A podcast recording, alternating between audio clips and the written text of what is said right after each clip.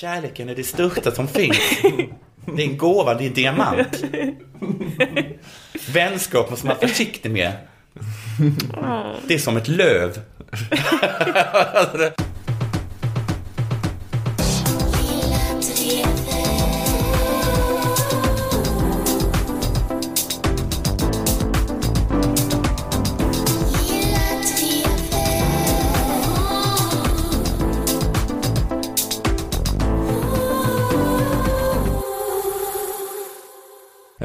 Okej, vi säger tack för den här fina vignetten Mm, som vi hörde precis.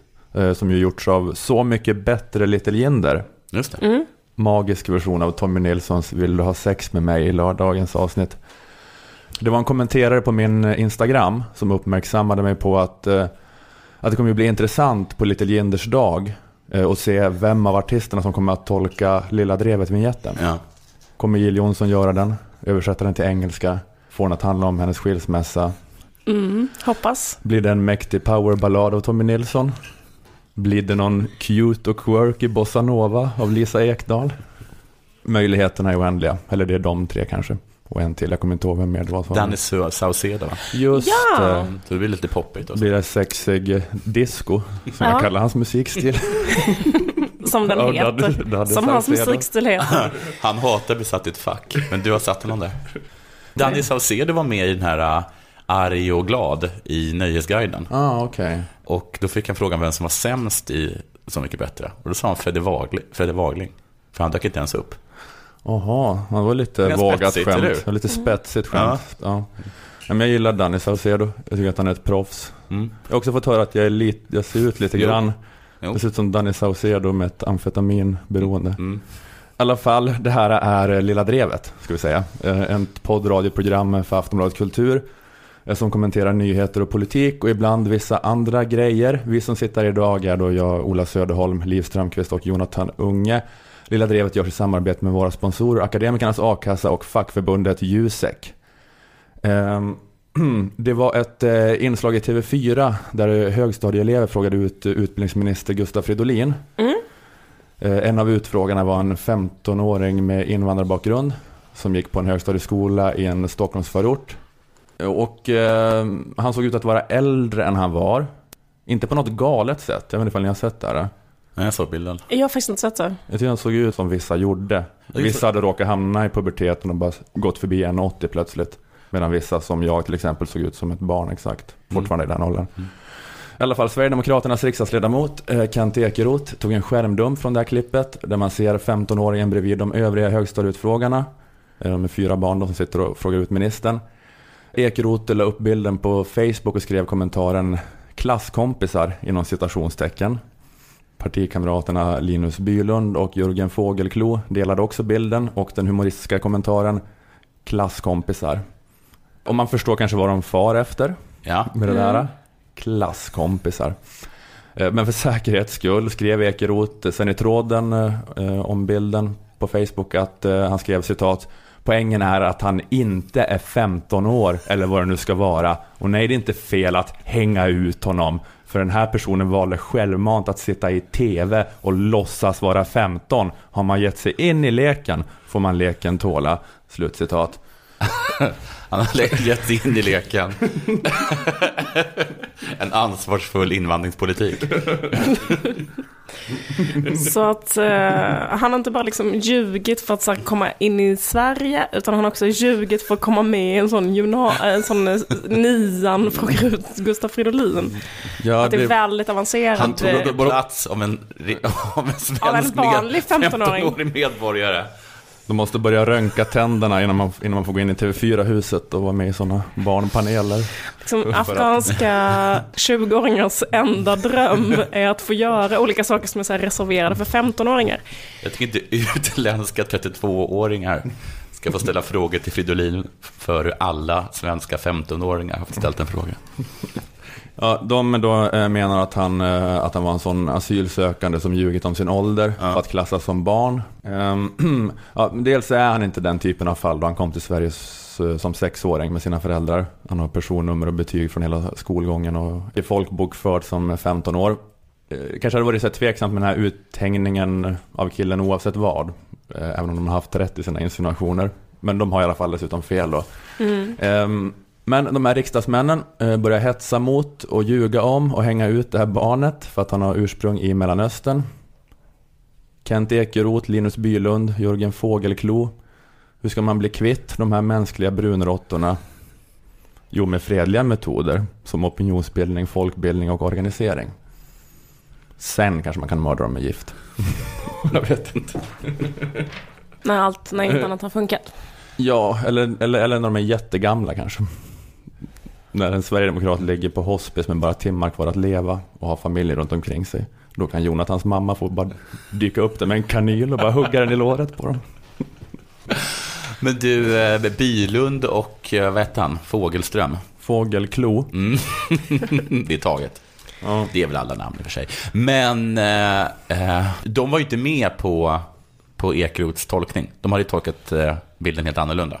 Jag så. I alla fall i, i, i, så som de förklarade den senare. Hur förklarade de det?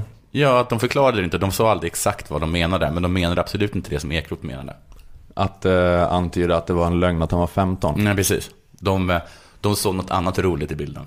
Okej, och men det gick inte att peka på exakt vad det inte var? exakt vad det som var kul. det var mer en magkänsla. Okej. De kör med det här försvaret då, komikerförsvaret. Man ska, man ska inte hålla på att dissekera humor. nej. Du bara förstör det. Det går inte att förklara. Om jag förklarar det för dig så kommer du inte skratta. Mm. Ja, ja. Men eh, alltså jag tänkte det om SD-arna trodde att den här killen var en ljugande ensamkommande Ja. som kommit hit och låtsas vara 15. Då har SD i alla fall eh, väldigt höga tankar om ensamkommandes förmåga att snabbt lära sig flytande svenska. Ja. Ja, just det. Att det bara kommer hit en ensamkommande afghan som hade gått i skolan och sen direkt sitter den och, och konverserar med en minister.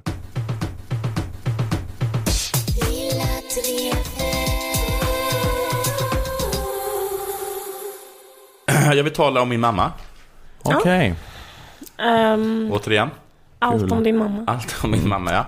En gång så skrev min mamma en krönika om att fotbollssupporter borde utplånas från jordens yta. Den var jättebra den krönikan tycker jag. Ja, tack så mycket.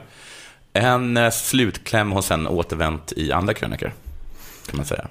Hur som helst så eh, uppskattas inte denna formulering. AIK fotbollsklack eh, svarade med att i nästa match veckla ut en jättelik banderoll med texten Cecilia Hagen borde utplånas från jordens yta. Roligt. Roligt gjort. Ja, Ja. ja.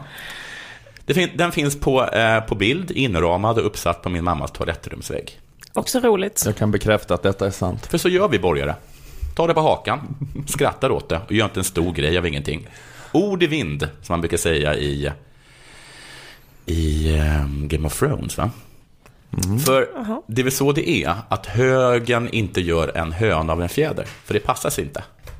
Men kanske allra mest för att man liksom vill från högerhåll distansera sig från vänstern. Som enligt högern då gör just detta. Gör en högen, höna av en fjäder. För så är ju vänstern, i alla fall i högerns ögon. De hittar ett ord, de feltolkar det, läser in något som inte finns och sen klär de sig i en offerskrud. Och du Ola, du hade ju ett exempel på när Hanif Bali, var, som liksom var en person som inte höll på med detta, utan såg ner på, eh, på, på det sättet att föra en debatt.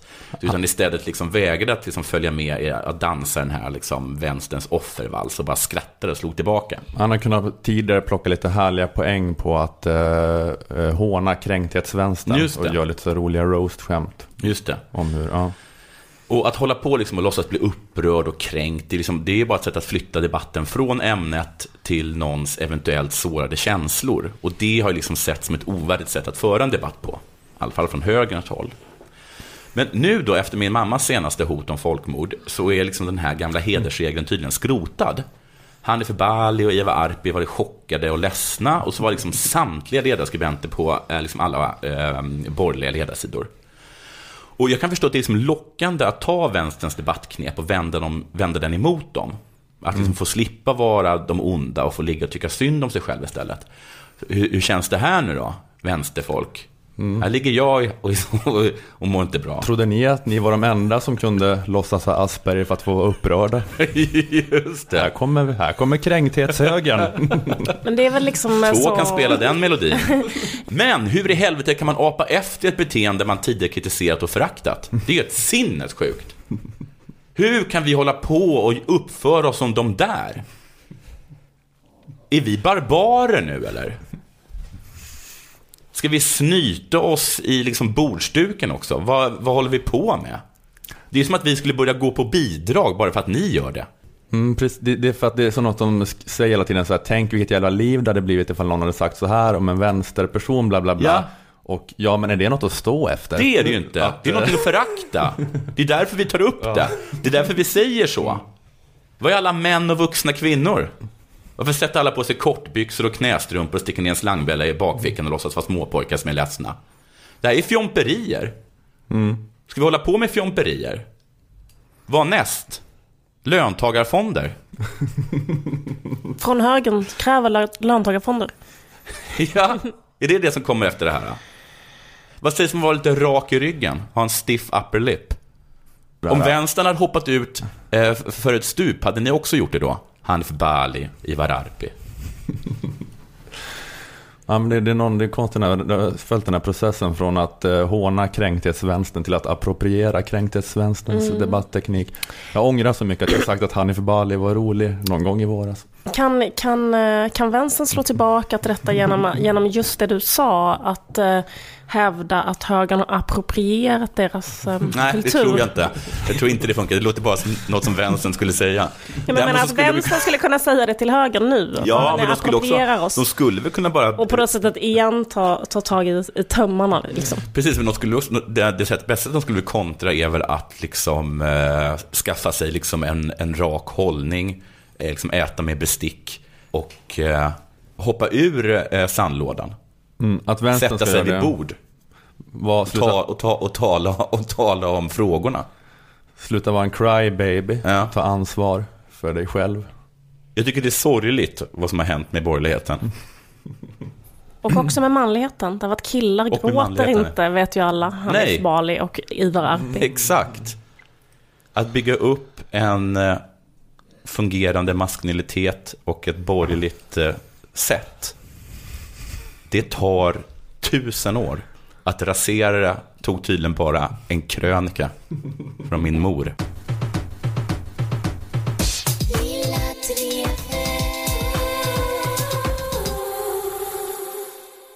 Vi har kommit fram till den delen av Lilla Drevet där vi berättar om våra sponsorer, Akademikernas A-kassa och fackförbundet Jusek. Det är viktigt att vara med i A-kassan och facket, eh, också för er akademiker. Eh, som vi konstaterade förra veckan så kan ju vilken idiot som helst bli akademiker idag på grund av den skenande betygsinflationen i svenska skolor. Så tänk på det att även om du är en sån som har höga betyg är risken stor att du är lågpresterande och kommer behöva en arbetslöshetsförsäkring. Akademikernas a-kassa kostar bara 100 kronor i månaden och är grundförsäkringen som ger dig upp till 20 000 i månaden om du skulle befinna dig mellan jobb. Eh, Facket erbjuder en förbättrad inkomstförsäkring. Du som jobbar som jurist, samhällsvetare, ekonom, kommunikatör eller inom HR och IT ska gå med i Jusek. Då är ni skyddade upp till 80 000 kronor. Ni får 80% av lönen upp till 80 papp alltså. Vad sa du, sa du? Du hörde mig. Att vara med i Akademikernas och Jusek kostar 351 kronor sammanlagt. Är du redan Akademikernas medlem lägger du alltså bara till 251 kronor för att också få vara med i facket. Facket handlar ju inte bara om inkomstförsäkring utan stöttar dig på alla möjliga sätt i ditt jobb. Jusek håller nu på med projektet Det flexibla arbetslivet för att underlätta för alla er som kämpar med livspusslet med familj och karriär. Eh, Jusek har låtit TNS Sifo göra en undersökning som visar hur deras medlemmar hanterar det flexibla arbetslivet Eh, där man kan ta med sig arbetet hem. Något som har möjliggjort att fler kvinnor kan arbeta heltid. Eh, Jusek ska i den kommande avtalsrörelsen fortsätta att driva frågor som stärker kvinnors karriärmöjligheter och ekonomiska egenmakt. Eh, enligt Juseks lönestatistik tjänar manliga jurister och samhällsvetare drygt 5% mer än kvinnor med motsvarande utbildning, bransch och position. Knappt varannan mamma med två barn arbetar deltid medan bara var tionde pappa gör det.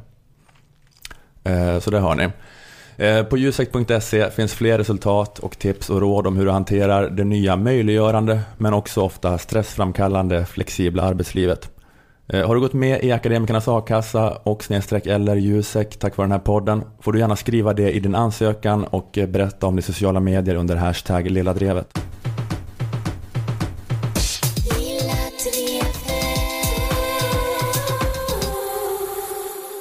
Om ni har ett eh, konstigt ljud till exempel under den här inspelningen så beror det på att mitt barn sitter i bakgrunden och spelar ett eh, tv-spel. Mm, och det är också ett exempel på livspusslet. Just och det. på att kvinnor, eh, jag vet inte vad.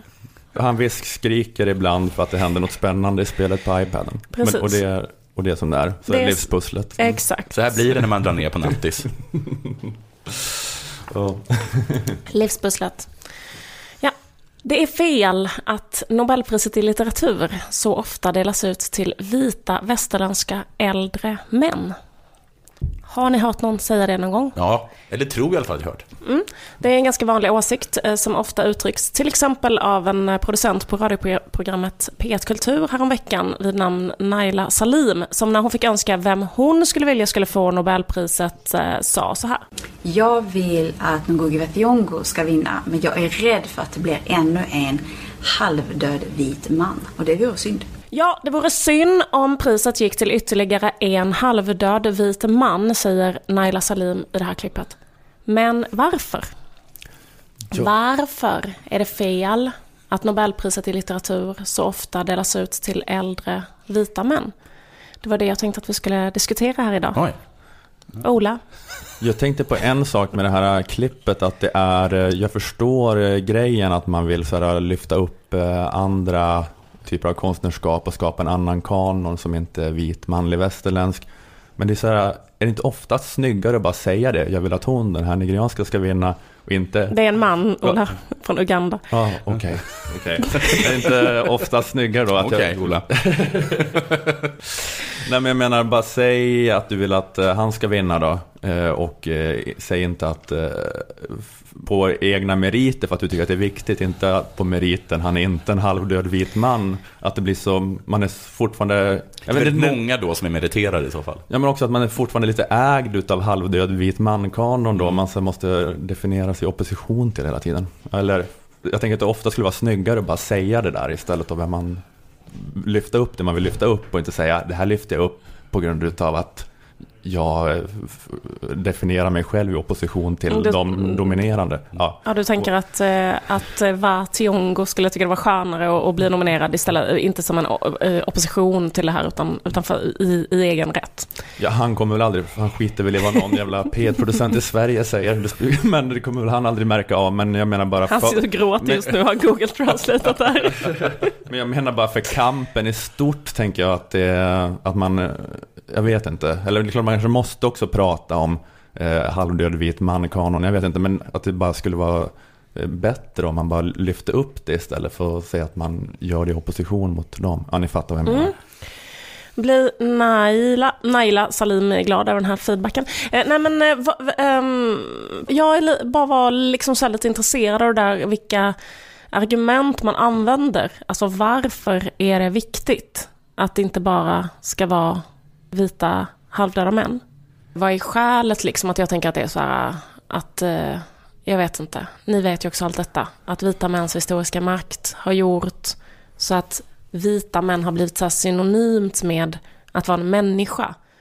Och därför blir det så att de som att de ses som de skildrare då av det allmänmänskliga och det liksom viktiga. Medan så här bruna människor och kvinnor ses som skildrare då av liksom det partikulära. Man kan se till exempel, alltså jag läste bara på hemsidan, när de väl har gett till exempel till en svart kvinna, när de gav Toni Morrison 93, så skrev de, Svenska Akademin i motiveringen så här, Genom en romankonst präglad av visionär kraft och poetisk pregnans så levandegör hon en väsentlig sida av amerikansk verklighet. Alltså att man skriver inte så här, hon levandegör amerikansk verklighet, utan man skriver så här, hon levandegör en väsentlig sida och, och det man menar då är att afroamerikansk historia liksom inte är historien med stort H, utan det är liksom en sida av historien.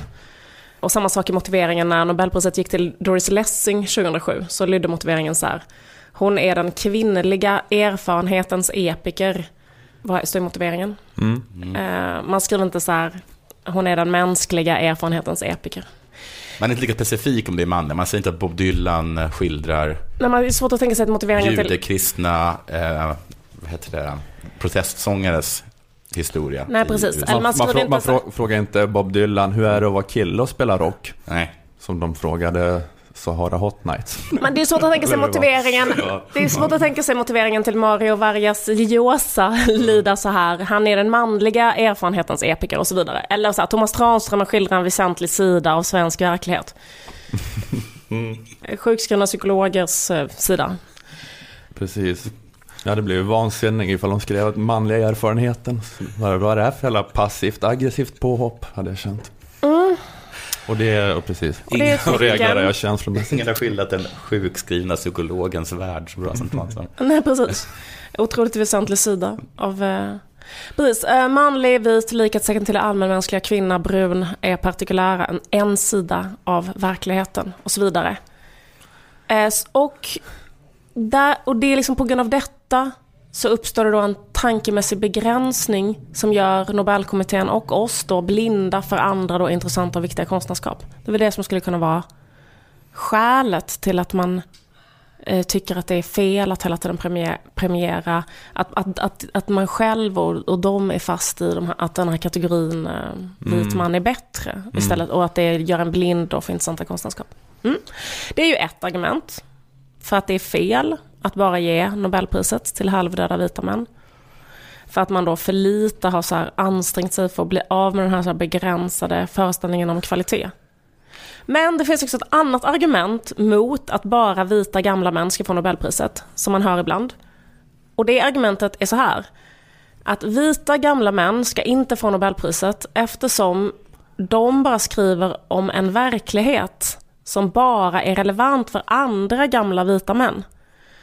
Om man tillhör en annan kategori, till exempel kategorin brun ung tjej, så behöver man eh, för att kunna ta till sig konsten eller känna att konsten har så här beröringspunkter med en själv, ha en upphovsperson som tillhör samma så här socialt konstruerade kategorier som man själv. Och det stämmer ju inte. Ett exempel, eh, nej absolut inte, det är, ett jävla, det är ett helt sugigt argument, men jag har hört det Ja. på sista tiden. Till exempel i tv-programmet Babel så hade de en runda bordsdiskussion om Bob Dylan. Eh, journalisten Erik Haustadius har precis sagt att han tycker att det finns en Dylan-låt för varje tillfälle i livet. Och då säger journalisten Tara Moshizi så här. Och du sa att det finns en Dylan-låt för varje tillfälle i livet. Det finns ingen Dylan-låt för något tillfälle i livet. Om man, som jag är en eh, brunhyad kvinna född på 80-talet. Så skulle jag säga. Men hon kanske inte kan läsa in... Alltså vad... Det är väldigt, det är väldigt sällan man, man, man, man bokstavligt läser eller upplever en text. Eller? Eller, eller en sång. Kan man, kan man inte läsa in något i... eh, Jag tycker inte det är typiskt människor som lyckas läsa in vad som helst i någonting. Ja, jag tycker att du har en poäng Jonathan. Ja, men det är ganska häpnadsväckande tycker jag att ge uttryck för den här, så här konstsynen utan att bli liksom motsagd eller ifrågasatt. Att man ser att konst är så här, de här, det är ju liksom kulturella konstruktioner, de här identiteten, att särskilja så här, kön, hudfärg, ålder. Man har ju särskilt människor i andra samhällen på helt andra sätt efter släkter eller vad fan det nu kan vara, samhällsklasser. Men nu, de här särskiljande liksom, sociala konstruktionerna, att de är någon slags här, isolerade kärl som bara kan kommunicera med sina exakta likar. En kvinna kan bara skriva om och förstå och läsa andra kvinnor. En brunhyad kan bara läsa en annan brunhyad. Och en författare född på 80-talet kan bara skriva för en annan född på 80-talet. Kanske också en författare. bara en annan författare. För på att tid är ju ganska intressant. Betyder det liksom då att man, att man bara kan skriva för sin samtid? Alltså Ja. det betyder att eh, Shakespeare kan egentligen bara tilltala folk födda på 1600-talet. Ja, precis. Ja, men det delar den här äh, debatten efter Dylan har väl varit att, att den har varit på en sån nivå att den skapar ett sånt här koleriskt eh, Knausgård, Ulf Lundell-vansinne. Nu em- emigrerar jag. Det här kan bara hända i det här jävla landet. Landet för barn. Det, det bara kan bara vara så här dumt i Sverige. Men det är så här, eh, jag, jag är ändå lite chockad över att man inte så ser lite noggrannare på sin egen argumentation. För utifrån den här synen på konst, då skulle inte heller en vit man, eller hur, kunna ta till sig en roman av Toni Morrison. Alltså, eller känna att det fanns någonting i så alla hennes beskrivningar av så familjerelationer, kärlek, besatthet, självförakt, hat, sex. Att det in, ingen, ingenting i de texterna skulle på något plan kunna så beröra eller Nej. tala till någonting i hans liv. Vita män är ju så himla förtjusta i jazz. Där har du ett bra motargument. Men jazz då, Tara? Ett, Hallå, ett- jazz! ett ord. Jazz. Jazz. Jazz. Bing, bang, boom. Var den debatten slut? Nej men i alla fall, um, när man har den här konstsynen eller argumenterar för konst på det här sättet så gör man ju då liksom motsatsen till att bredda konstbegreppet och säga att även Toni Morrison är allmängiltig. Det som jag försökte säga i början. Man gör motsatsen. Man säger egentligen att ingen är allmängiltig. Utan att vi bara kan kommunicera med och förstå andra som tillhör samma socialt konstruerade kategori. Och det är det man också gör ifall man skulle säga att Thomas Tranströmer är eh, manlighetens stora epiker till exempel. För det är han ju inte heller. Alltså, ja. Nej. Så därför eh, håller jag med att jag också skulle bli vansinnig ifall det skulle leda till att man måste beskriva alla så här, eh, Bob Dylan är exakt emigrerade judars stora Ja. språkrör. I alla fall. Skit i det. Jag kollade på eh, Martin Scorseses film som du pratade om förra, förra avsnittet va? Nämnde Ja, jag kanske den också? nämnde den. Ja, jag har också jag har sett, eh, sett igenom den precis. Precis. För att Du sa att han var så himla karismatisk. Ja. Det har jag aldrig upplevt. Men jag kanske hade sett honom i, på film. ja, men du borde se den där dokumentären. Okej. När han sitter där som ett, bara som ett litet väsen. Och alla journalister bara står i en ring runt och de är helt tokiga bara för att de inte får äga honom. De blir helt, helt galna. Per Westberg har också drabbats av det nu. Eh, Eh, I alla fall, men då handlade den filmen lite grann om eh, Dylan på 60-talet, då när han liksom började verka som artist. Och det skedde ju, samtidigt var ju den svarta medborgarrättsrörelsen på, på frammarsch. Och eh, han var ju en del av det här protestsångergänget som turnerade då i södern, spelade på medborgarrättsrörelsens möten. Han skrev ju ett väldigt stort antal låtar som handlade just om den så här, politiska rasismen i USA. Exempelvis The Lonesome Death of Hattie Carroll som handlar om den här servitrisen Hattie Carroll som dödades av en vit rik man.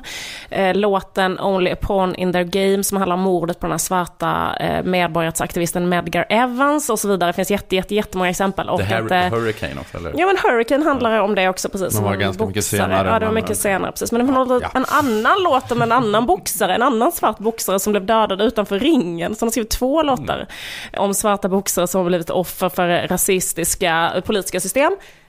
Och han spelade ju också på March on Washington 1963 när Martin Luther King höll sitt berömda tal I have a dream-talet.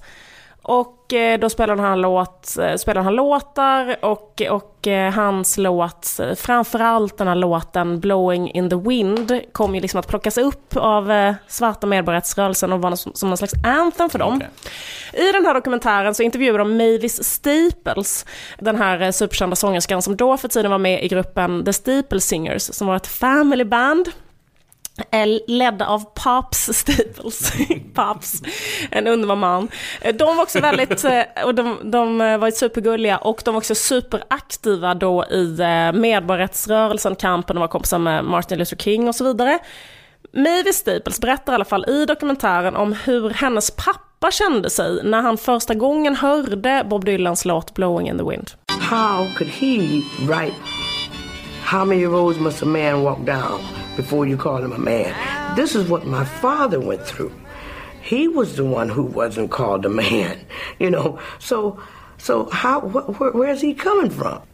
White people don't have hard times, you know. This was my thinking back then because I was a kid too. What he was writing was inspirational. You know, they were inspirational songs and they would inspire, you know. This is the same as gospel. It's, he was writing truth. Ja precis, och i eh, dokumentären Mavis, utropstecken som jag såg igår på YouTube, en underbar dokumentär, rekommenderar varmt. Där fortsätter hon att berätta om hur Paps eh, erfarenheter i det rassegregerade USA, hur han kände att de speglades av, av just eh, låten Blowing in the wind. He, he would tell us stories about how he could be walking down the street in Mississippi, and if a white man was coming down the street on that same side street, Pops had to cross over. So how many roads must a man walk? You know, Dad said we can sing that. We can sing that. We can sing that. We can sing, we can sing that, säger Mavis Staples mamma. Ha, pappa, han tolkar den alltså helt ordagrant så här. How many roads must a man walk down before he can call him a man?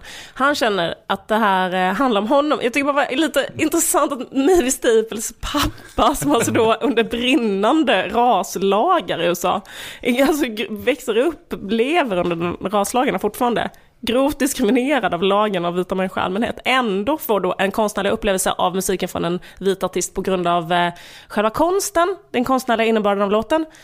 Den får ett eget liv som pratar om hans liv.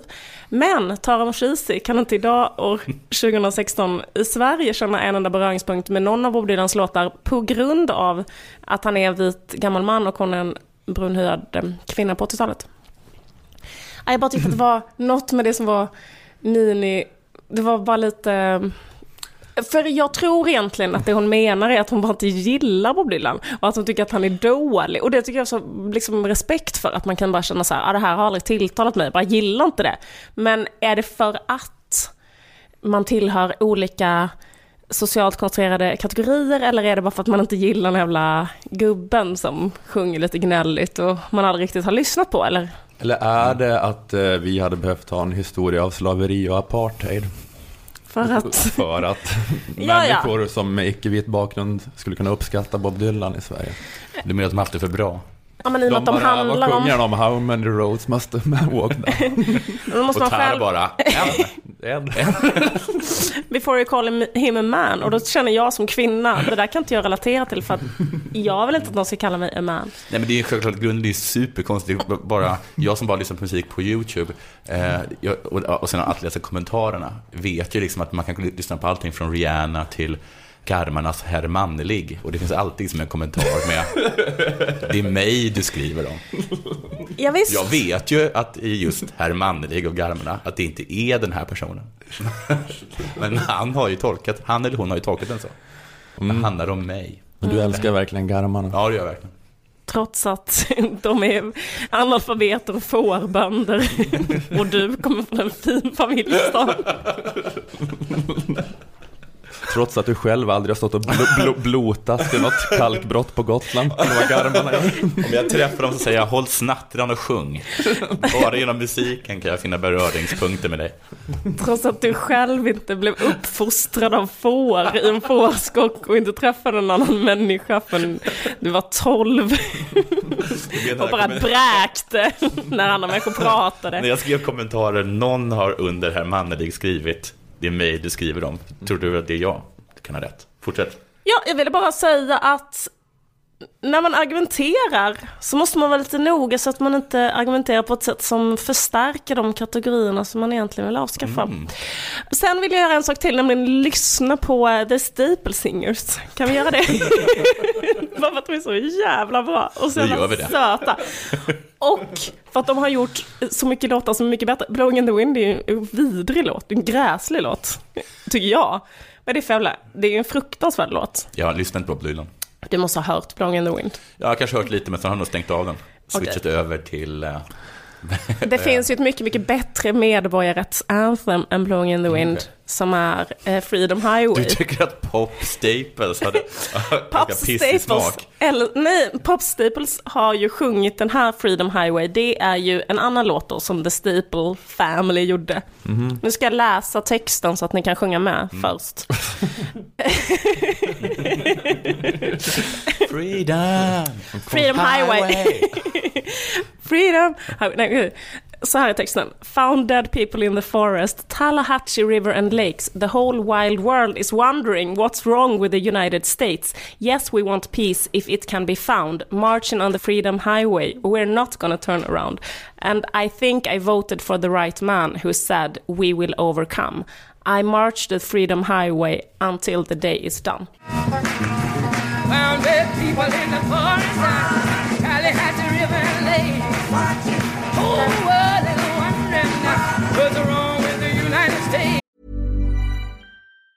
Life is made up of many gorgeous moments. Cherish them all, big and small, with Blue Nile. Whether it's for yourself or a loved one, Blue Nile's unrivaled selection of expertly crafted fine jewelry and statement pieces help make all your moments sparkle. Blue Nile's experts are on hand to guide you, and their diamond guarantee ensures you get the highest quality at the best price. Celebrate a life well lived in the most radiant way and save up to 30% at BlueNile.com. That's BlueNile.com.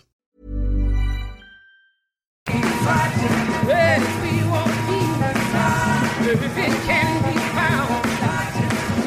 Freedom the highway,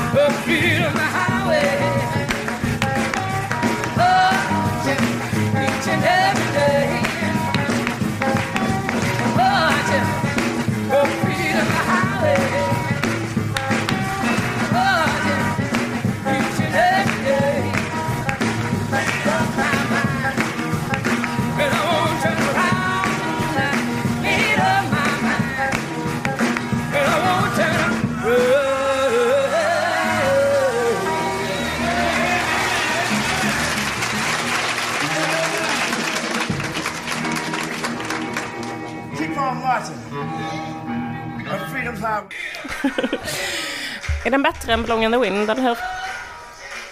Ja, alltså jag, Blowing in the Wind går liksom inte att lyssna på. Det är en Nej. sån låt som är eh, bortom. Jag vet inte vad man hade tyckt om den, om man hade aldrig hört den förut. Men Ja, just det. Just det. Han har en sån förfärlig röst på när du, nej. Om man jämför med Mavis underbara röst. Ja. Det, är, det är lite så med, med Bob Dylan att det blir bra så fort någon annan gör hans låtar. nej, nej det är inte så Jonathan. Men du, jag tror att det är lite så. Nej, eh, men... ja men vad fin låt. Vad konstig inriktning det blev på den här podden. Nu, att vi lyssnar bara på, på lite soul, men det, det var ju bra.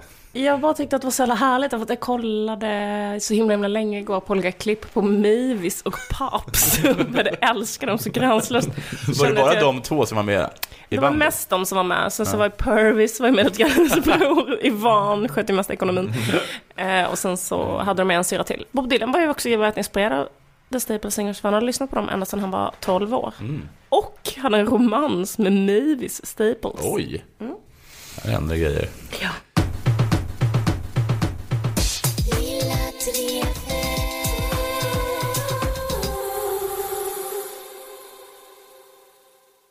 Det var ett reportage om att eh, vinden har vänt i flyktingfrågan i Godmorgon världen.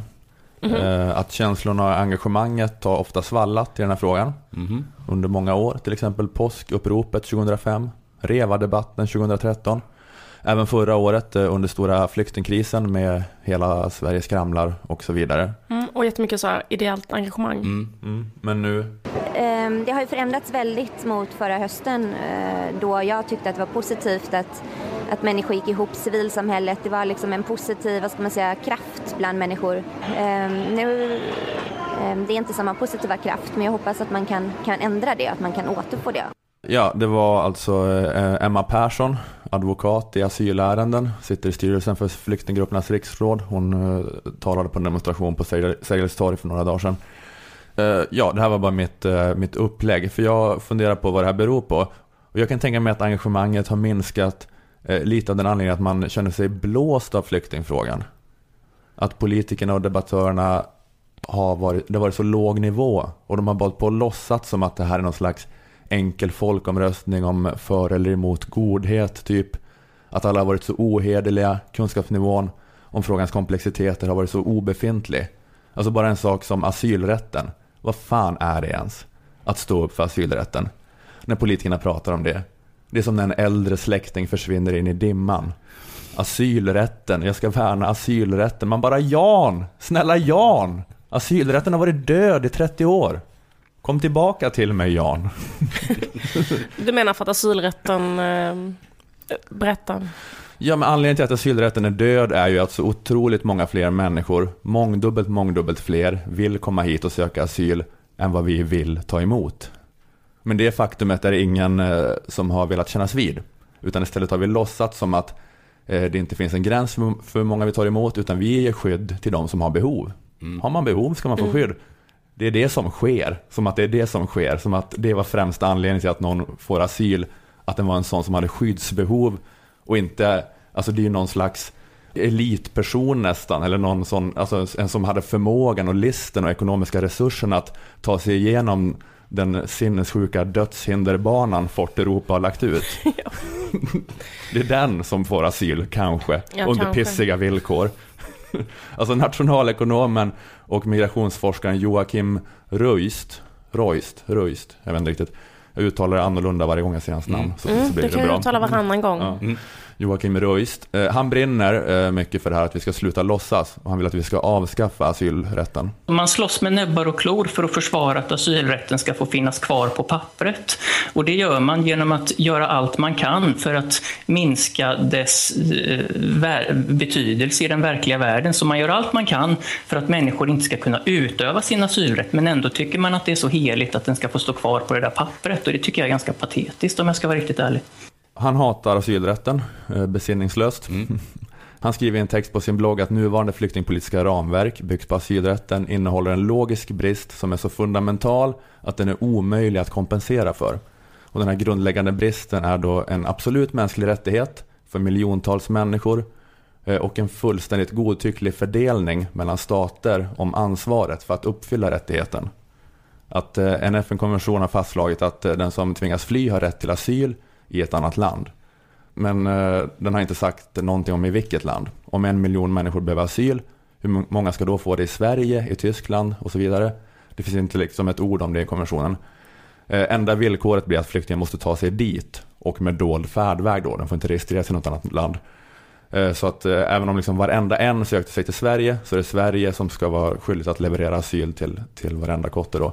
Och detta förklarar varför EUs flyktingpolitik de senaste 30 åren primärt har gått ut på att fysiskt hindra flyktingar från att ta sig hit och söka Mm. i ett race to the bottom mellan olika länder.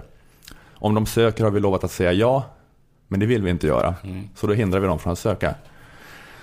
Och eh, Royce menar att eh, det här beror på att när man bestämde asylrätten i dess nuvarande form 1967 var det så eh, få flyktingar bara i allmänhet. Så få som sökte sig till Europa så man orkade inte ens tänka på det med ansvarsfördelning.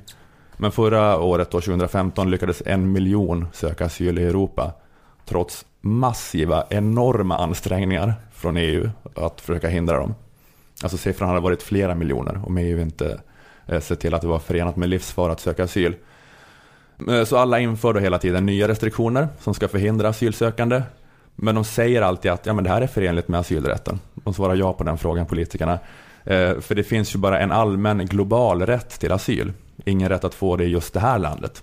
Men i och med att alla länder tänker så eh, går det inte att söka asyl någonstans. Så asylrätten är konstruerad så att den kan förstöras utan att det är någons ansvar. Det är bara så. Vi, vi gemensamt, utan att det är någons fel. Det är lite som när man har jobb, jobbat med tv har jag tänkt. Okej. Så var det varje gång jag jobbar med tv. Hur är det då? Ja, varför blev det här programmet så jävla uselt? Ja. Så, jag, jag vet inte, det var... Ja, jag, jag var någon annan, jag kunde inte ta ansvar. Att alla, alla bara väntar på att någon annan ska göra något. Sen skickar man ut Sofia Wistam i direktsändning med ett halvfärdigt manuskort. sen, sen skriver Johan Kroneman att alla inblandade borde föras ut i gryningen och arkebuseras. Och man bara, ja, ja, men det var inte mitt fel. Alltså, jag... så, så är det med asylpolitiken då. Fast i, i det fallet är det ett ännu allvarligare problem kanske. Det kanske inte var en bra liknelse som alla kan relatera till direkt. Men... Du, du gräver var du står. Jag gräver jag Använder- står. jobbar med det du har. Som jag minns det. Som mina minnen av att jobba med tv. Påminner om- EUs asylpolitik. Men eh, Royst, Royst, Ruist menar att vi borde avskaffa asylrätten eh, och ersätta den med ett generöst kvotsystem. Man, man, man ska ändå ha rätt att fly till ett grannland för att undkomma omedelbar livsfara. Så som syrier idag flyr till Turkiet eller Libanon idag. Alltså om det pågick krig i Norge skulle inte Sverige ha rätt att ha någon begränsad kvot för hur många som fick ta sig över gränsen och söka asyl. Men den här situationen då när syrier väl kommer till Turkiet eller Libanon, hur ska då EU agera för att avlasta Libanons börda? Idag sker det genom att flyktingarna på egen, mycket stor risk, får försöka ta sig igenom den utlagda dödshinderbanan och om de lyckas ta sig till ett EU-land, då får de söka asyl på plats. Men Röist vill att man tar bort den här rättigheten att kunna söka asyl på plats i EU-land utan att, asyl, eh, utan att asylansökan måste ske eh, då i Turkiet. Man går in på ett litet kontor i Turkiet och mm. fyller ut papper och så får man komma eller inte komma. Precis, Turkiet eller den platsen man har tagit sig till för att undkomma omedelbar livsfara. Mm. Så slipper man dödsmejseln. Så slipper man åka eh, gummibåt. Det är det som man tänker. Ja, alltså ett sånt här system skulle innebära slutet på eh, väldigt mycket fruktansvärt som pågår. Dels, ja, dels det monstruösa hyckleriet från politiker eh, som gör att man blir helt vansinnig. Att man låtsas som att det inte finns ett tak medan man gör allt för att förhindra flyktingar att, eh, från att komma hit. Att vi, att vi bara så erkänner för oss själva då att säkra vägar är bara möjligt med antalsbegränsning. Det går inte att ha säkra vägar i kombination med nuvarande asylrätt. Men, ja, men fördelen med det här då, kvotsystemet är då att det eh, skulle finnas eh, säkra vägar. Att eh, det här sinnessjuka skulle få ett slut. Att tusentals skulle slippa dö på Medelhavet. Och att man inte skulle hålla, hålla de här vidriga då, smugglarna under armarna som får hundra papp per resa. Också att systemet skulle bli mer rättvist på så vis att även de som inte har förmågan och de ekonomiska resurserna att göra resan skulle kunna söka asyl. Man skulle i ett kvotsystem kunna prioritera sådana som man bedömer har störst behov också om man vill. Särskilt, särskilt kvot för kvinnor och barn. Särskilt kvot för, för gays kanske eller sånt där. Ja. Jag vet inte. Eh, man skulle slippa vara Erdogans bitch. Mm. Ja, det vore superskönt. Eh, hela det problemet skulle försvinna. Man skulle slippa den här tragedin att folk kommer hit, börjar ett nytt liv, lär sig svenska, sen ska utvisas. Mm. Slippa ett skuggsamhälle med 80 000 pers. Alla de här grejerna tycker jag ju låter rätt eh, rimliga, svåra att ifrågasätta. Att det här skulle vara fördelar med det. Den stora invändningen är väl att om eh, alla länder tillåts sätta egna kvotor så kommer de kanske sätta jättelåga kvoter. Mm. Det är kanske svagheten i det här. Men Royst, Röist, Mm. Röist tror att det här systemet också skulle bli mer generöst i längden. För han menar att generositet förutsätter att man har kontroll. Eh, och det är den här bristen på kontroll som gör att alla bara inför nya restriktioner i panik. För att man är rädd att alla världens flyktingar ska söka asyl i just vårt land. Men med ett kvotsystem blir antalet eh, exakt så många som kvoten föreskriver. Så då kan man förbereda sig på det och planera och, och också känna en press att leverera en hög kvot, tror Joakim Röist. Eh, för att man vill bevisa att man är en humanitär stormakt. Ja, där kanske jag inte tror, tror helt på honom 100%. Du, du tror inte att, eh, att, att Ungern kommer att vilja visa, Gå i, visa visa. framfötterna? Men, men visst måste man ändå ha kvar alla de här liksom, eh, barriärer och sådana saker. Men det är, kommer inte folk vilja försöka ta sig hit ändå? Ja, alltså det, ifall det inte finns någon, ifall man vet om att en sån alternativ är att leva som illegal så borde det ju ändå göra en lite mindre sugen Ja. på att ta sig till Europa om man inte har möjlighet att söka asyl ens på plats. Men, och sen Men så, det är inte säkert heller, för tänk hur det är i Mexiko och USA till exempel. Det finns väldigt små eh, chanser att få uppehållstillstånd för mexikaner, men det är ändå så pass mycket bättre för dem att försöka stiga dit som illegala och jobba svart och så. Jo precis. Fast det är ju väldigt, väldigt, och för en väldigt, väldigt, eh, en gräns som nästan inte har någon motsvarighet på något annat ställe. Eftersom det är mellan liksom ett av de rikaste och, och ett av de fattigaste länderna. Jo, ja, men det kommer säkert vara så en del och jag antar att det bygger på att man, det här systemet bygger på att man också är jävligt hård och brutal och så här, statuerar exempel och skickar tillbaka folk och kanske har hårda gränskontroller. Jag vet Ja. inte Men hur ska man välja undrar jag, de som, vilka som ska få, alltså ska man liksom då, ska, kan man lova alla, för det måste ju ändå finnas vissa som ändå inte kommer in i de här kvoterna utan som bara sitter i ett sånt läger i Libanon. Och liksom hur ska man välja vilka som ska få komma och vilka som inte ska få komma? Men jag, jag var inte klar med hans, han hade en motivering till varför han tror att det här kommer leda till eh, mera generöst. Mm, mm. Alltså, ja, apropå att han tror att det här systemet inte kommer leda till ett mindre flyktingmottagande skriver han citat Jag tror mer än så, både om EUs genuina vilja att hjälpa människor i nöd och om EUs mer egocentriska behov av att göra en insats stor nog för att kunna kalla sig själv humanitärt. Eh, en av de funktioner asylrätten fyller idag är som en bekväm binär definition av vad som utgör ett humanitärt förhållningssätt. Nämligen att på pappret följa flyktingkonventionen. Tar vi bort den möjligheten för oss själva att gömma oss bakom en symbol utsätter vi istället vår insats för att klassificeras som moralisk och humanitär eller inte utifrån dess resultat. Och det är ett mer utmanande kriterium, slutcitat. Ja men precis, så nu kan politiker stå och säga vi värnar asylrätten, alltså vi är lika med goda, trots att det de i praktiken gör är förstör människors liv. Men om godheten istället för att mätas efter om man står upp för en allt mer urholkad symbol, om den istället mättes i hur många människor vi faktiskt hjälpte, hade resultatet kanske blivit bättre. Men det här bygger ju också på, alltså varför det här då kanske verkar vettigt är ju att så många EU-länder så länge haft ett så oerhört lågt flyktingmottagande. De är så himla emot att göra det. Eh, Röist eh, skriver om Österrike, eh, som var ett av de få länderna som tog emot många 2015. Det var Österrike, Tyskland, Sverige. 90 000 asylansökningar. Eh, Och de gick ut i början av 2016 eh, och annonserade att vi tänker bara ta emot 37 500 asylansökningar i år. Sen så drog de tillbaka det, de blev liksom pressade till det för att det då stred mot flyktingkonventionen. Men, Man får inte säga en kvot. nej, nej precis, Nej. det är ju det Joakim Röist Ja. vill liksom att vi ska börja göra. Men det fick inte Österrike då. Men, men grejen var ju att Österrike, det visar starka anti-invandringsströmmar. De tänker nu är vi hårda, nu bara säger vi 37 500 ansökningar tar vi emot i år. Eh, sen är det stopp. Men grejen är att hade hela EU tagit emot lika många asylansökningar per capita som Österrike planerade att göra med sina 37 500 hade siffran blivit över 2 miljoner. Alltså dubbelt så många som lyckades söka asyl under det här rekordåret 2015. Eh, så det säger liksom något om hur illa det är och hur extremt lite många länder gör. Och att eh, det kanske då inte finns någon anledning att låta dem fortsätta gömma sig bakom att de har skrivit på en flyktingkonvention som de inte behöver ta något eh, ansvar för. Mm. Men eh, ja, jag vet inte, det är ju det är svårt i praktiken. Han föreslår typ att Sverige ska gå före med en generös kvot och sen, sen hoppas han att det ska sluta någon slags internationellt kvotsystem som ska bygga på att ett lands kvot baseras på dess BNP. Och att också totalkvoten ska justeras upp och ner beroende på konfliktnivån i världen. Men sen det är mycket möjligt att det här inte stämmer, att en urholkad asylrätt ändå är bättre, att den håller uppe nivån något över noll. Att eh, han kanske överskattar Europas länders vilja att känna sig som humanitära stormakter. Att det bara blir så direkt att jaha, får man välja kvot? Okej, noll. Det är krig och nej, noll. Att det är det som händer, jag vet inte. Men har inte alla skrivit på liksom FNs flyktingkonvention då, eller? Ja, Asylrätten. Mm. Skulle, men om alla, skulle inte man behöva då att alla skrev på kvot, minst liksom whatever. Kan man inte göra en, en, ny, en ny?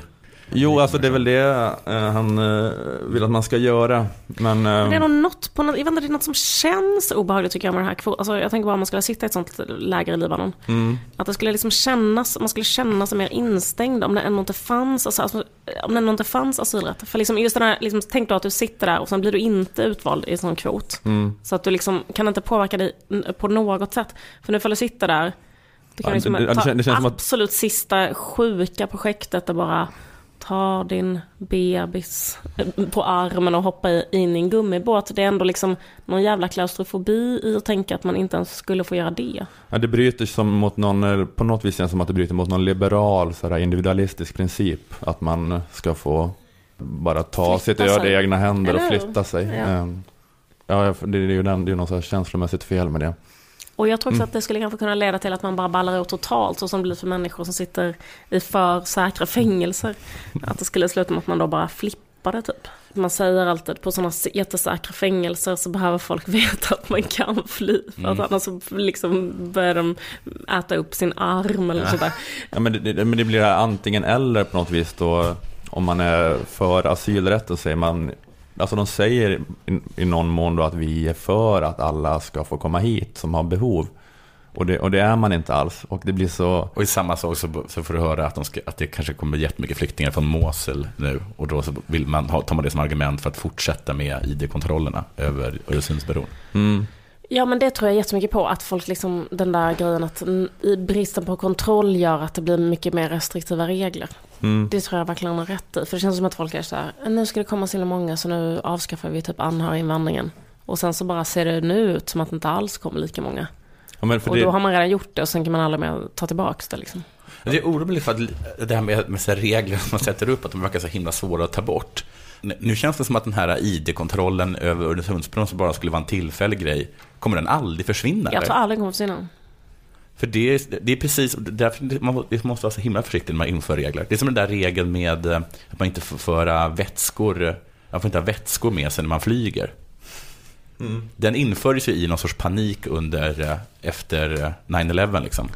Men det är som att bara för att man har infört den så kan man, man kan inte ta bort den då. För att eh, då känns det som att man tappar kontrollen. Eller, eller, eller som att man liksom bara man har, man har stått och, liksom och skrikit över den här, som jag gissar, ganska onödiga regeln.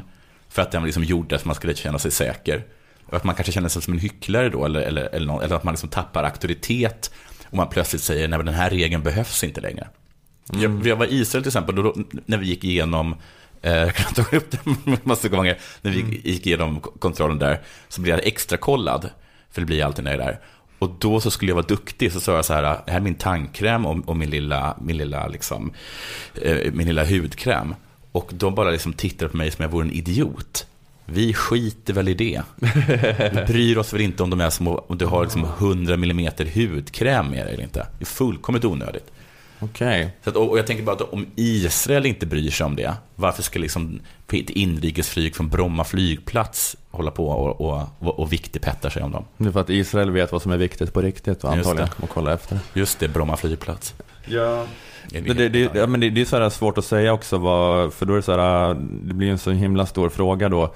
Eh, Ja, vi, ska vi bevara vårt eh, samhällskontrakt, då måste invandringen ske i en inte alltför snabb takt till Sverige.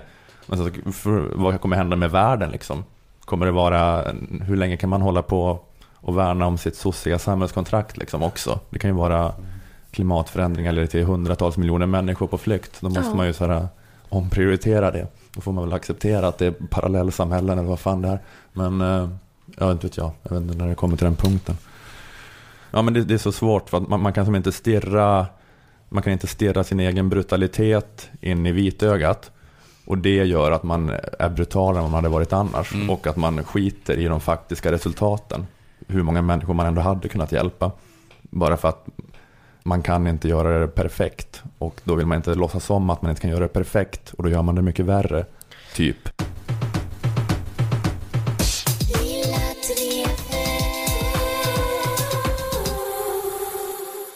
Staffan Westerberg, Ica Nord, Thomas Di Leva, Teppas Fågelberg och han som ritade i mjölk. I filmjölk faktiskt. Slas.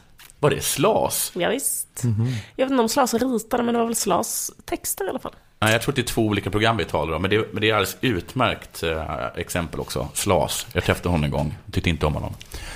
Men listan på liksom creepiga programledare i SVTs barnprogram, den kan göras lång. Och det var liksom närmast en, det här är ju en öppen dörr, men det var ju närmast en tradition att barnen skulle utsättas för lite olika typer av obehagliga performanceartister mellan de här dockfilmerna. Och, men så slutade det plötsligt. Eh, och liksom numera finns ingen av den här typen kvar i, i, i barnkanalen. Det finns ingen som är lite, som det är liksom, som det finns någonting lite skrämmande. Nej, du har rätt. Nej. Bra spaning.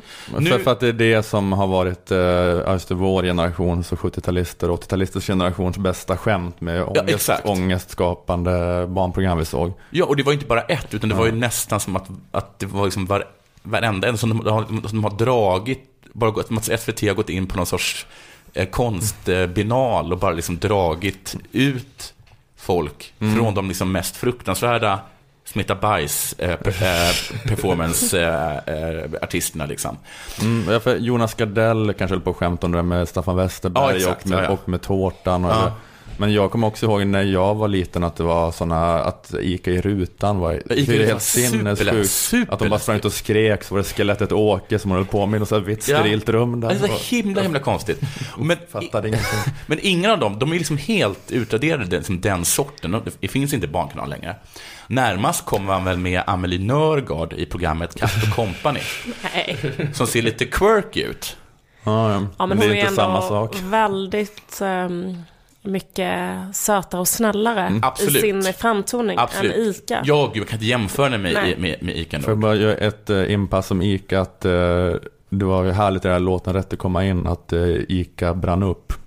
Just Att det. det var en härlig försoning. Mm. Man fick se henne brinna upp när hon blev en vampyr och de öppnade, öppnade gardinen. Ja, det var verkligen payback. Eh, Men, men, men, men, eh, att Amelie är liksom quirky på det sättet att hon kanske så här har lite okammat hår. Ja, precis. Eh, för, för annars är det bara sådana hunkar typ, Ja, som är deras nya. Precis. Men precis som du säger, hon är inte... Skolans populäraste kille. Ja, det går inte att jämföra absolut med äh, Amelie. Hon är ju som en Zoe Deschanel som aldrig ler bara. Utan det är liksom, det är inte, så det är inte alls alls, det är inte alls på det sättet. För nu är, som alla som du säger då, så är alla liksom snälla och varma och trygga och bra. Och precis som du säger, vissa är supersnygga. Den här hunken Farsad, eh, som är ju något som jag gissar att väldigt många bara sitter och dreglar över. Barnen. Ja, du sa någon gång att eh, anledningen till att eh, gladiatorerna går så bra, Mm. är sånt bra liksom, fredagsunderhållning, för att barnen tycker det är kul och sen så kan liksom, eh, papporna och mamma sitta och kåta upp sig lite Mm. på, på, på de här gladiatorerna. Jag tror att jag bara läste upp en tweet av Kalle Schulman för dig. Okej. Skitsamma. Eh, Nej, men en sak, får jag citera en annan sak som Ola sagt om detta då, som du verkligen har sagt. Det är så här att du tycker att det märks att det har blivit mer kvinnliga chefer på SVT för att det är så här tantsnuskiga rekryteringar. Att människor som han den där Alex, rackare Alex. Eh, Den där lilla killen. Eh, ja, han som har varit eh, den här, eh, så här som alltid gör så här volter Ja, just det, just det. och... Ja, han är himla söt. eh, ja. Ja, men det, ja, det verkar som att det är det som de rekryterar Mm. eh, barnprogramledare, att bara se ut som Paradise Hotel Smile. Har aldrig på dig tröja. Nej. Ett bra exempel på det är ju, eh, vad heter han nu? Eh, Vi frågar ah, ah, heter Nassim Al Fakir, vet han det? Mm. Vet han det? Ja. Han är ju barnkanalen där. Det är nästan bara i Barnkanalen man kan se honom med kläderna på. Mm. I alla andra sammanhang är han ju bara naken. Har de här SVT-tanterna sådana här auditions där det är så här, Ta. kom in. Och de bara, Vänd jag har det." jobbat med, de bara, av med tröjan. Nej, blekfeta, den kvoten är fylld. Jag undrar när den här är då, när, när den här är då så att säga omvända sexismen kommer sluta kännas subversiv. Den blir aldrig sunkig, eller? Kommer Ja. den bli sunkig någon gång? Någon gång blir det säkert sunkig. Jag vet också exakt det hur de här SVT... Men så Farsad är en sån himla, himla kontrast till han som satt och smetade i fil. Alltså den kontrasten är så himla, himla stor. Och jag tycker det är konstigt att det här bara försvunnit, för det måste ju funnits en tanke med att utsätta barnen för då vuxna med ögon fyllda av ångest. Att det måste ha funnits att, att såna här finns också. Ja. Eller liksom att man vill liksom vilja att det inte, inte ska vara liksom så polerat och vackert, utan I- sådana som Ica Nord kan- du liksom stöta på på gatan. Det skulle du, du skulle veta hur det känns. Eller att man på något sätt vill vidga spektrat av vad det är att vara människa. Ja, precis. Eh, upplever jag att de ville. Ja. Att de ville att man skulle förstå det, fast man var faktiskt för liten. Ja, man blev Och- bara rädd. Man, man, fick, man fick ingen förståelse, utan man blev bara rädd. Men för det enda man gillade som barn då var ju att eh, man gillade de få gånger man fick se något som var mer amerikansk feelgood. Ja, Då allt det var tillrättalagt och bara- gulligt. att bara kunna få luta sig tillbaka Ja, precis. Andas Ja. lugnt och inte Ja. sitta på helspänn. Nej, vad man gjorde. fan ska Ica göra nu? Ja. Men jag... Och, eh, och, ja, och, och det är väl, de har anpassat sig till det nu kanske. Ja, Så jag, tror att man hade så mycket ångest av sig själv när man var liten för att man är ändå, när man är barn, man är rätt så känslig sårbar för Ja, ångest. man inte det? sy- Att man är väldigt så här, har mycket ångest överhuvudtaget. Så att man Ja. vill ju liksom att TV skulle vara en comfort zone som är mer som ett, eh, liksom, nå- någon som bara klappar en. Ja, för det är så himla konstigt, för att jag liksom har en känsla liksom att, liksom att alltså förskolepolitiken, dagispolitiken var liksom att det skulle vara vänligt och trevligt och inkluderande och fint Ja. och lugnt. Men sen så är det som att bara liksom cheferna på SVT har liksom gett hela den idén att jävla fuck you. Och så när barnen kommer hem då från den här trygga miljön, liksom utsätter då för Staffan Westerberg och den här mannen som ritade i fil. Liksom, Eller barnböcker som Barbro Lindgrens böcker om barndepression. Ja. eh, Som man fick eh, då liksom läs, hö- högläsning för sig. Det är så här, Sparvel tycker att allting är grått. Sparvel, Sparvel är vän med en sinnessjuk man. Hon, hennes bästa vän var ju schizofren. Ja. Nu kommer jag in i honom. Uh, han handlar väldigt mycket om Sparvels barndepression och hennes vänskap med en schizofren man som bor i, i huset bredvid. Och han blev galen för att när han var barn så tog hans pappa hans nalle, som han älskade mest av allt, tog den kastade den på elden. Ja, Från att läsa den här berättelsen när man är liten. Men jag, har tagit, jag, jag har tagit upp det tidigare då med den här med, med, med, med filmatiseringen av, vad heter den, mamma... Slut på kapitlet. Sov gott. Vad heter den? God natt. Flickan, mamman och soporna. Ja, var det Susanne Osten? Det, det, Susanne som, som, du, som då i, i denna tidsålder med, med Ja. Farsad i Barnkanalen, då fick liksom en 11 års, det hade inte varit tu tal om det. Eh, för, Nej, för, för tio år sedan. Ja, Hon är från en annan tid och fattar inte vad Ja, som har hänt. Du hade ju liksom, bara, nej precis. Ja, alla barn jag har visat det här för har fått panikångest. Jag förstår inte vad problemet är. Det här är ju helt enligt barnkulturstandard. Ja, precis. Jag hatade också att behöva se Lennart Hellsings illustrerade syratripper Ja. varje dag i Björnes magasin. Agare, bagare, Bengtsson alla de andra. Men för jag tror liksom att de ville Jag säga älskar att säga att... Lennart eh, Hellsing. De vill säga liksom att så här, barn, världen är inte så trygg och fin som ni tror. Och jag tror att man liksom ville lära dem att inte stirra för länge ner i avgrunden, för att till slut börjar avgrunden stirra tillbaka, i detta fall ICA Nord. Alltså att, man liksom, att det är den lilla grejen man ville, man ville lära barnen. Nå, i alla fall, numera så är, är alla bara högst, inte ens en är lite quirky. Det är liksom allt. eh, jag tror att obehaget numera består i att man då och då kastar in såna här medianomader som Kitty Jutbrink och Berang Miri.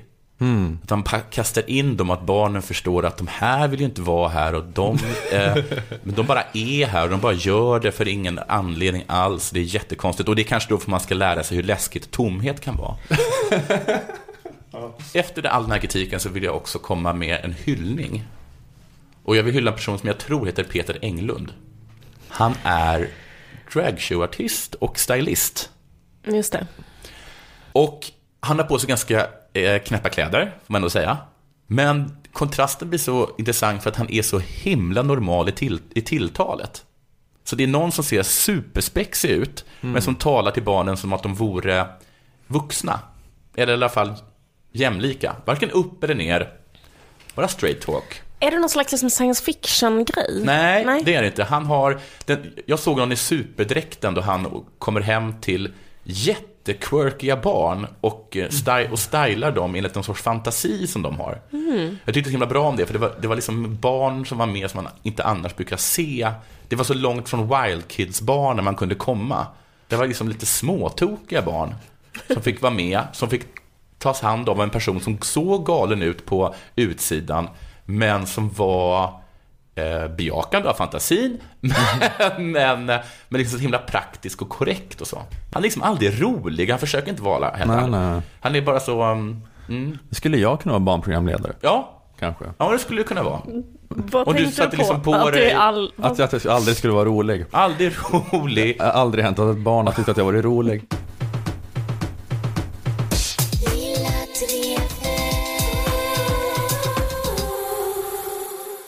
Oslipat i Stockholm har eh, eh, stand-up eh, med eh, tv-spel och dataspel som tema idag i, i Stockholm.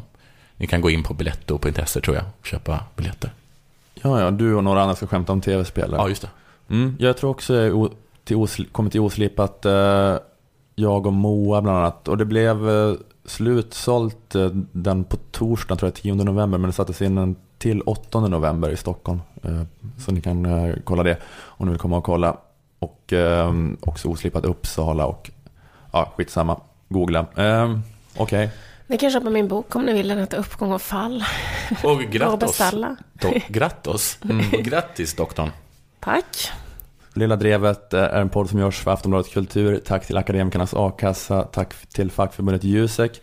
Vi som gjorde programmet var Jonathan Unge, Dr. Liv Strömqvist och Ola Söderholm och, eh, och det var det. Hej då! Hej då. Hej då.